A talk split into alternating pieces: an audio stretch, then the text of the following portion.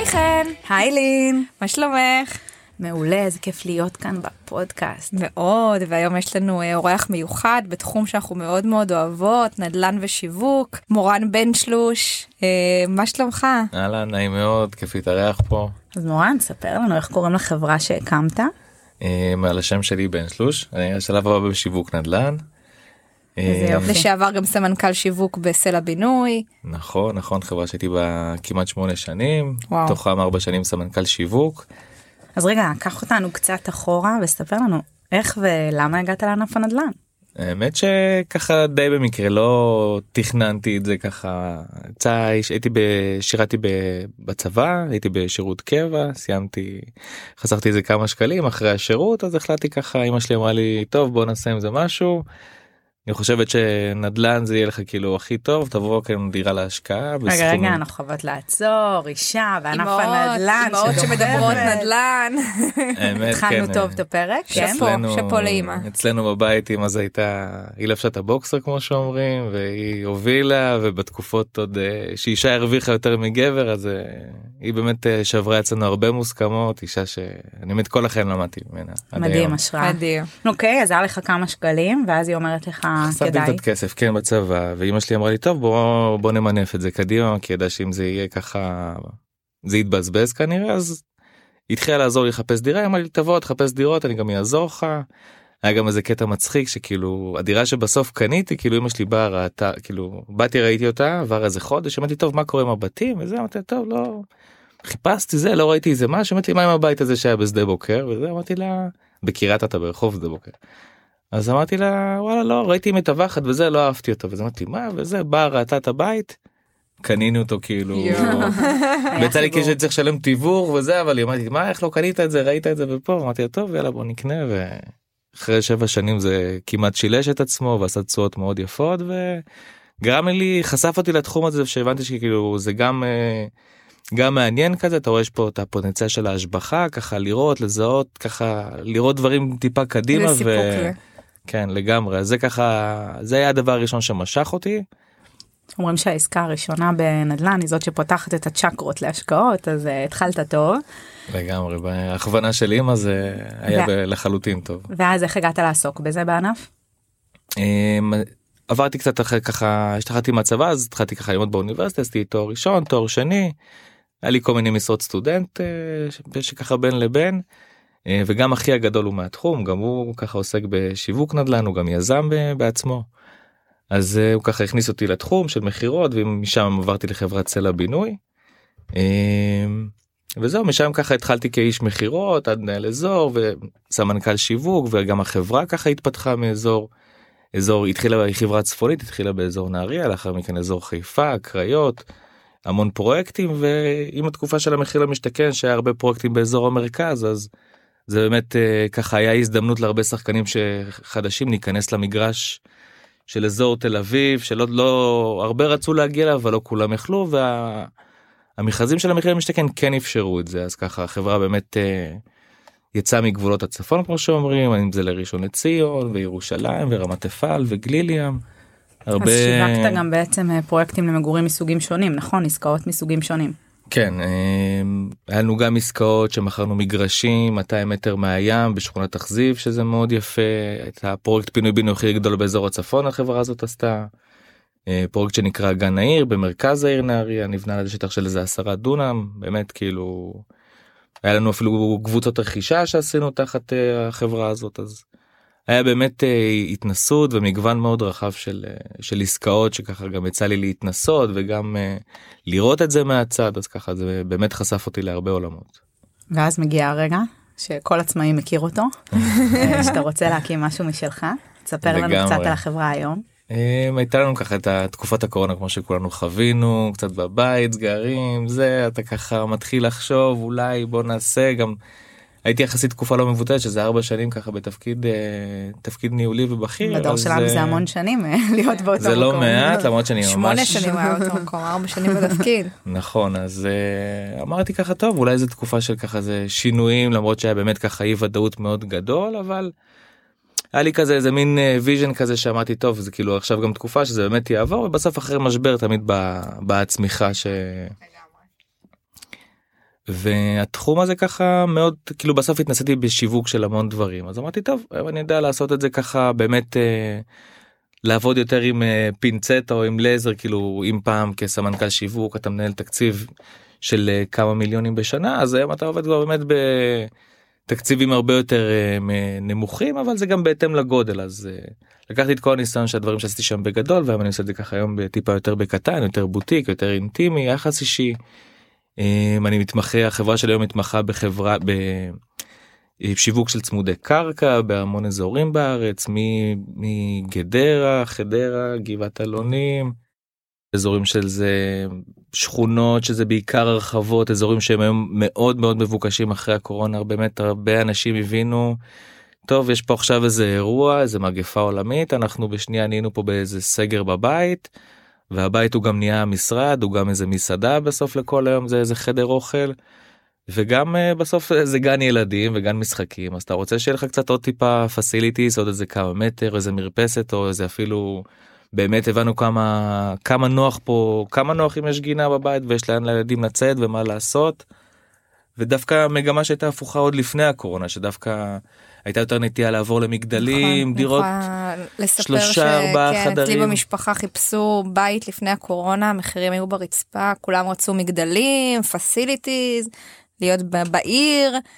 ובאמת אה, מה שראינו אחרי הקורונה אני חושבת שזה אחת התופעות המרתקות אה, גם ברמה הסוציולוגית ובטח הנדל"נית מה שקרה לצמודי הקרקע. אני חייבת להגיד שזוגות צעירים ככה ויוצא לנו הרבה בקהילה להתעסק עכשיו עם כל השיח באמת של אה, דירות כבר קצת uh, התייאש מצמודי הקרקע. אני אשמח לשמוע ממך גם uh, על מחירים ברחבי הארץ כי יש הרגשה שהחלום לדירה מתרחק בישראל מהזוגות הצעירים ובטח כשמדברים על, uh, על עסקאות uh, של באמת קרקע של בית uh, צמוד קרקע גם כי ההיצע מאוד מאוד מוגבל וגם כי המחיר באמת גבוה. אז אני ממש אשמח uh, ללמוד ממך מה יכול לעשות זוג צעיר כדי אולי להגשים את החלום ולגור עם בית לא כמוני עם גינה אלא בית צמוד קרקע אמיתי פרטי. האמת את uh, די צודקת אבל ככל שהזמן עובר והחלום הוא רק הולך ומתרחק אנחנו גם ראינו את זה השנה. אני גם מדבר רון בפרט על הצמודי קרקע אבל ראינו את מחירי הנדל"ן שעלו בשנה האחרונה בין 12 13 14 אחוז. אז בוא נזכור בסוף שזה מדובר פה בממוצע ארצי של דירות 4 3 חדרים. מגוון דירות ובסוף אם ניקח את הצמודי קרקע ונפרק את זה מתוך כל הממוצע הזה אז אנחנו יכולים לראות גם מספרים ועליות מחירים של 20 ו-30 ו-40 אחוז אני יכול להגיד לכם במקומות שאני שיווקתי בתים. ב... בוא נגיד שבית אה, דו משפחתי הצד השמאלי שלו נמכר בתחילת אה, בינואר 2020 סדר גודל של 2 מיליון 300 פחות משנה. לאיזה שכונה אנחנו מדברים? בשכונת בית אליעזר בחדרה זה הרחבה שיחסית למדתי uh... שם בתיכון שכונה שמאוד מפתיע אותי לשמוע את המחירים האלו בה אני מודה. אז תביני גם שאני התחלתי לשווק שם בתחילת הדרך מה זה תחילת הדרך בינואר 2020 אני לא מדבר בטח פה לפני 6 שנים. שיווקתי שם בתים צמודי קרקע שישה חדרים 180 מטר בנוי 250 מטר קרקע בשתי מיליון 300 אמרו לי מה יקר בית אליעזר כמוך שאת מכירה שם מהתיכון שגדלת. תיכון נפלא.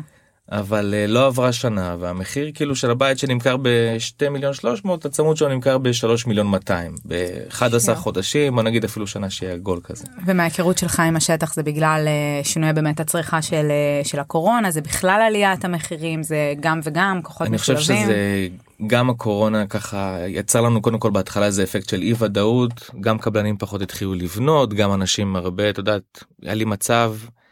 שזוג שקנו דירה חתמו חוזה זאת בחברה בסלע בינוי שהייתי חברה שקנו חברה שקנו דירה חתמו חוזה יום יומיים אחרי כל ה... שהם חתמו על החוזה על הדירה שסוף סוף חלמו עליה. באה מגיעה הודעה מעבודה גם הבעל גם האישה בחל"ת חוסר ודאות. היה להם מישהו שאמור לקנות את הבית שלהם עכשיו הוא לא רוצה לקנות את הבית כאילו פתאום כל העולם נעצר אתה לא יודע מה קורה איתך מחר. בחברה גם באו לקראת אמרו להם טוב אנחנו נקפיא את החוזה אם תרצו תקנות דירה אם לא הכל בסדר כאילו ממש uh, עשו את מה שצריך. ו... אבל אתה מבין שכאילו כאילו התהליכים ממש אה, נתקעו פתאום ביום אחד. וזה גם גלגל בסוף שמשפיע על עצמו אנחנו בסוף ב...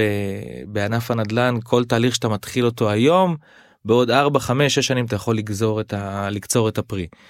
אז אה, קודם כל הקורונה הייתה דבר שגרם לפחות התחלות בנייה והביקוש בסוף אמנם הוא היה כמה חודשים של שקט במשרדי המכירות ולא היה הרבה עסקאות נדל"ן אבל בסוף זה משהו שתמיד חזר. יש איזה מעין צוואר בקבוק שמשתחרר וזה חוזר וזה חוזר בגדול וגם גורם להעלאת מחיר להבדיל אם הקצב יהיה יותר מדוד וככה טוב אז בכל זאת אם אנחנו רוצות אה, אחרי שסיפרנו בשורה קצת קשה שהמחירים כנראה בצמודי הקרקע כמו גם בכל ענף הנדל"ן המשיכו לעלות אז בוא נצייד ככה בכמה כלים טיפים אה, מהזווית שלך למי שרוצה לקנות אה, צמודי קרקע איך עליו לעשות את זה נכון בצורה אחראית מה, מה הטיפים שלך לעומת עסקה של דירה נגיד. אני אשמח גם לדעת ככה על איזושהי סוגיה הרבה פעמים גם דנים בסוגיה הזאת בקהילה ובכלל האם באמת יש איזושהי משמעות ליזמות פרטית זאת אומרת לרכוש קרקע לבנות האם יש איזשהו יתרון במחיר בסוף. מעבר לכל מה שקרה עם הקורונה והמחיר כאילו היה גם יש מגמה של, של רשות מקרקעי ישראל למקסם יותר יחידות על אותו תא שטח. אם בעבר היינו רגילים שההורים שלי ושלכם חיפשו בית אה, בית פרטי אז הם ראו מגרשים של חצי דונם ודונם אולי גם קצת יותר מזה.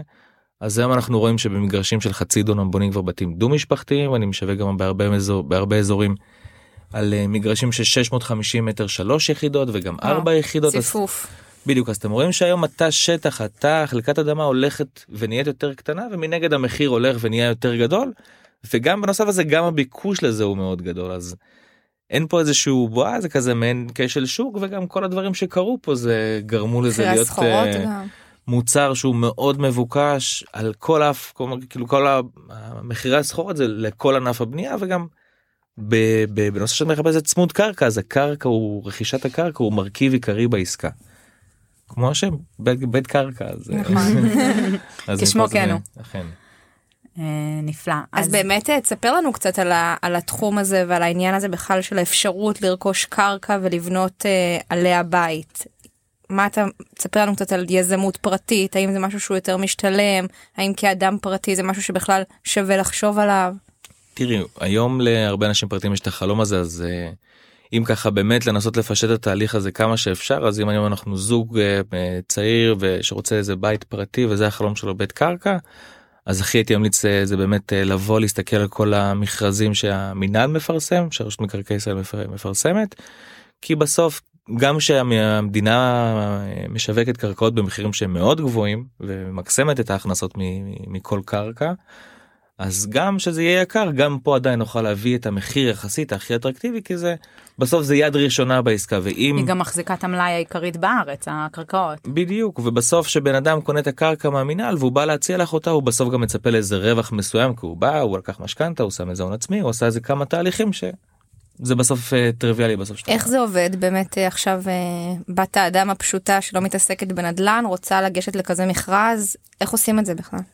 אז uh, קודם כל המכרזים מתפרסמים uh, באתר של הרשות ויש uh, לפי כל מיני אזורים ויישובים יש מקומות שזה באמת מכרז על בסיס לכל המרבה במחיר יש איזה הערכת שמאי שהמדינה קבעה לה את השטח הזה וכל אחד שיבוא ייגש ויציע את המחיר שהוא רוצה כאלה מכרזים לאחרונה. בנופית, בבת חפר, בעתלית, באליכין, אה, לא מעט אזורים כאלה וגם בנוסף אז יש עוד אופציה כמובן להסתכל על קרקעות בשוק הפרטי.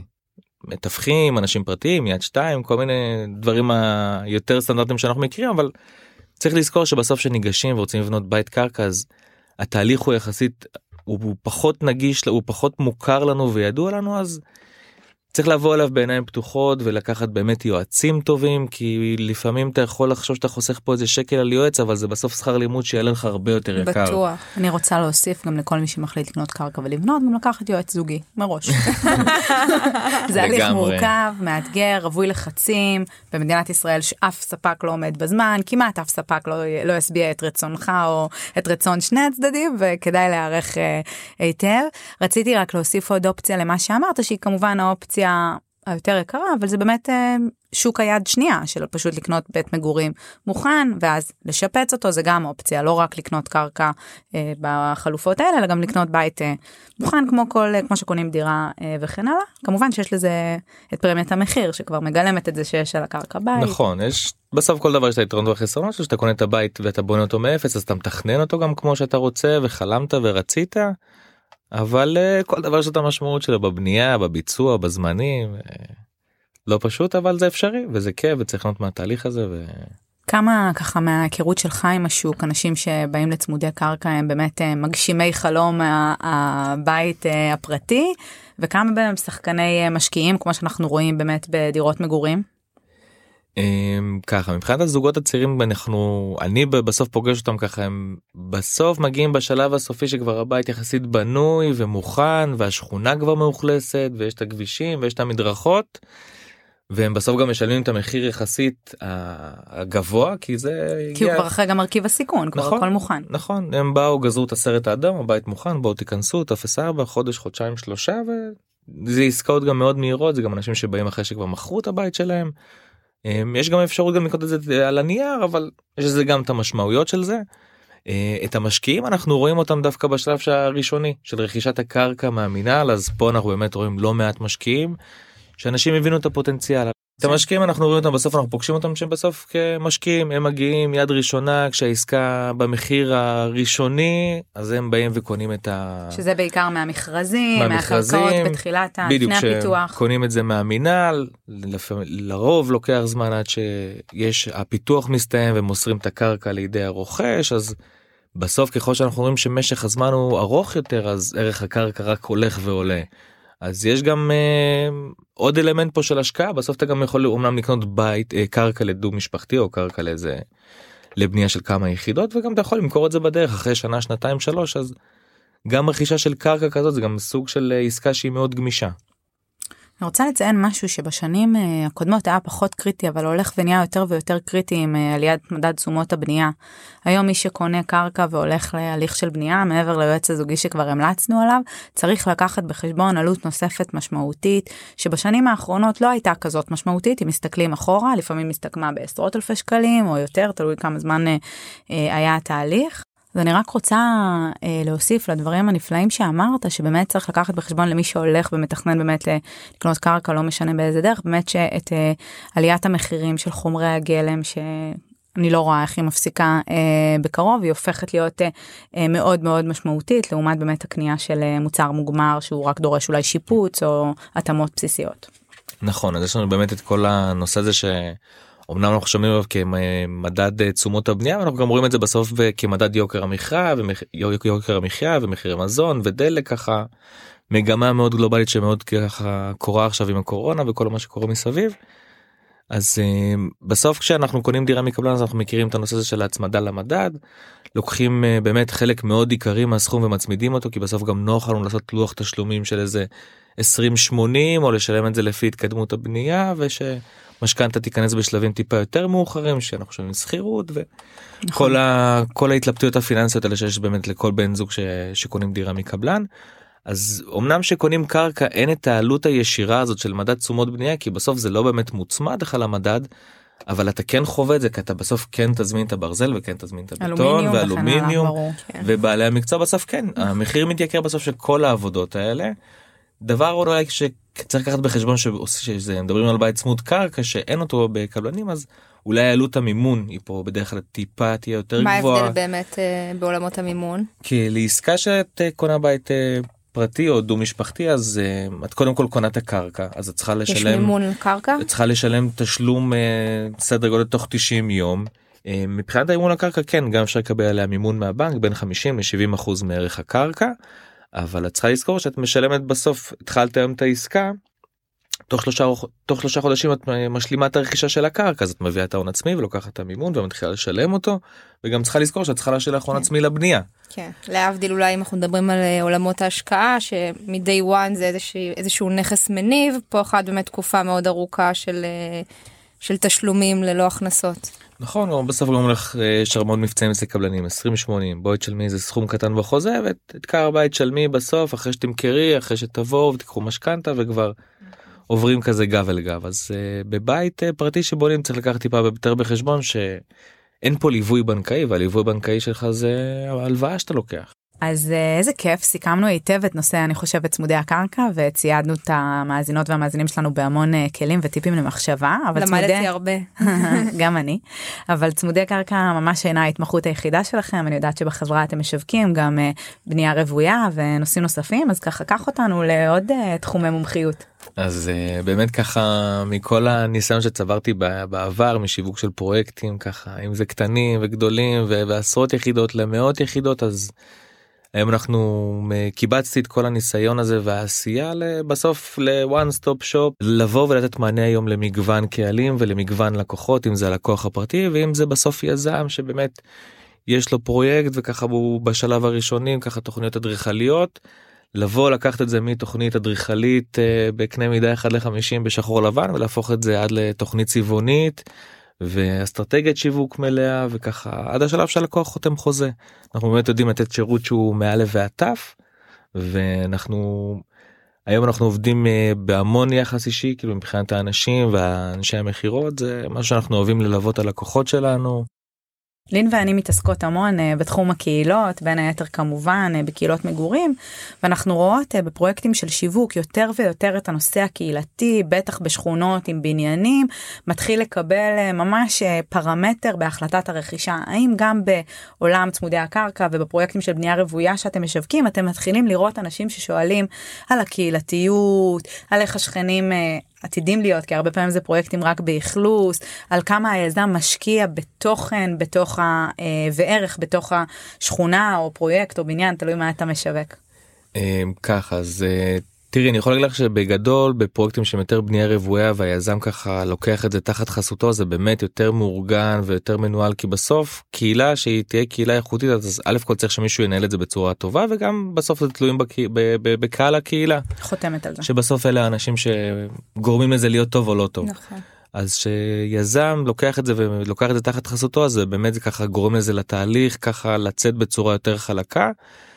אמ, במקומות שאני רואה את זה ככה ביותר בערים מסורתיות לא הרחבות קהילתיות אז אם כמו גדרה או חדרה לצורך העניין פחות אתה רואה את הקהילה ברמת ה... כמו קבוצת וואטסאפ שפותחים אלא אתה רואה את זה כזה בסוף זה באים לאיזה אזור אורבני כזה עם חיי קהילה אבל כל אחד איזשהו כן עם השכן אולי מימין ומשמאל אבל זה לא משהו כקהילה מלאה של, שכונה, של שכונה. אמ, אני יכול להגיד לך דווקא במקומות שזה. במקומות שהם טיפה יותר קטנים יותר נישתיים אז כן יש את זה אפילו גם ברמת היישוב ש, שזה יכול לקרות הרבה יישובים קהילתיים שיש הרחבה וככה הרבה זוכים במגרשים היישוב ממש פותח קבוצת וואטסאפ וככה בהתחלה זה יותר לשלב, ה, לשלב הבנייה והביצוע וזה נעזר בזה אבל אחרי זה כבר זה ממשיך הלאה כקהילה שחיה ו... באופן טבעי יותר. בדיוק. נפלא, טוב, אז אמ, לקראת סיום, בוא תצייד אותנו מבחינתך, בעיניים שלך, כבאמת אה, מי שמחזיק המון ניסיון בשיווק אה, נדל"ן. עשה, עשי ואל תעשי כשאת רוצה לקנות אה, נכס בישראל. אמ, אז ככה, אז באמת בנושא הזה אני חייב להגיד לכם שבאמת לא להתפשר על אנשי מקצוע, באמת לא לחשוב שאם חסכנו פה איזה יועץ אז חסכנו אמנם אולי כמה אלפים אבל אתה יכול לאבד אה, עשרות גם במקרים קיצוניים גם מאות אלפים. ב... גם מיליונים ראינו. גם זה באמת בדוגמאות שלא חסר אז אה, א' ב' מבחינתי כאילו אם אני אדע להמליץ פה באמת לאנשים אז א' ב' זה להתחיל באמת בעורך דין טוב שאתם מכירים שאתם א' כל גם חשוב שהוא יכיר את סוג העסקאות האלה יצא לי לראות לא מעט פעמים עורך דין שמייצג לקוחות שהוא לא הכיר את סוג העסקה שקונים קרקע ושירותי בנייה ו...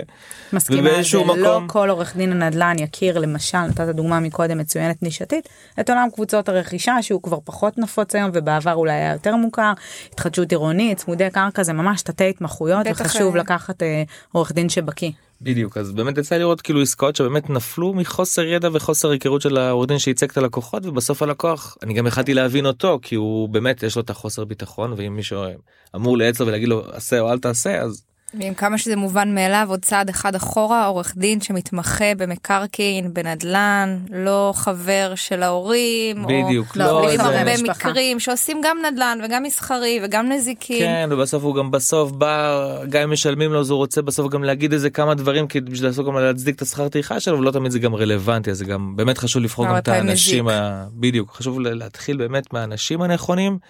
ולראות את זה כחלק מההוצאה הכוללת ולא כהוצאה נוספת. אני יכולה לספר עליי ועל חן ששתינו אה, עורכות דין וכן אפילו בהתמחות אה, מקרקעין אבל אנחנו תמיד עדיין לוקחת עורכי דין בעסקאות של עצמנו משמעית. של המשפחה על אף שאני באמת התמחיתי באחד המשרדים הגדולים ועשיתי עסקאות מורכבות.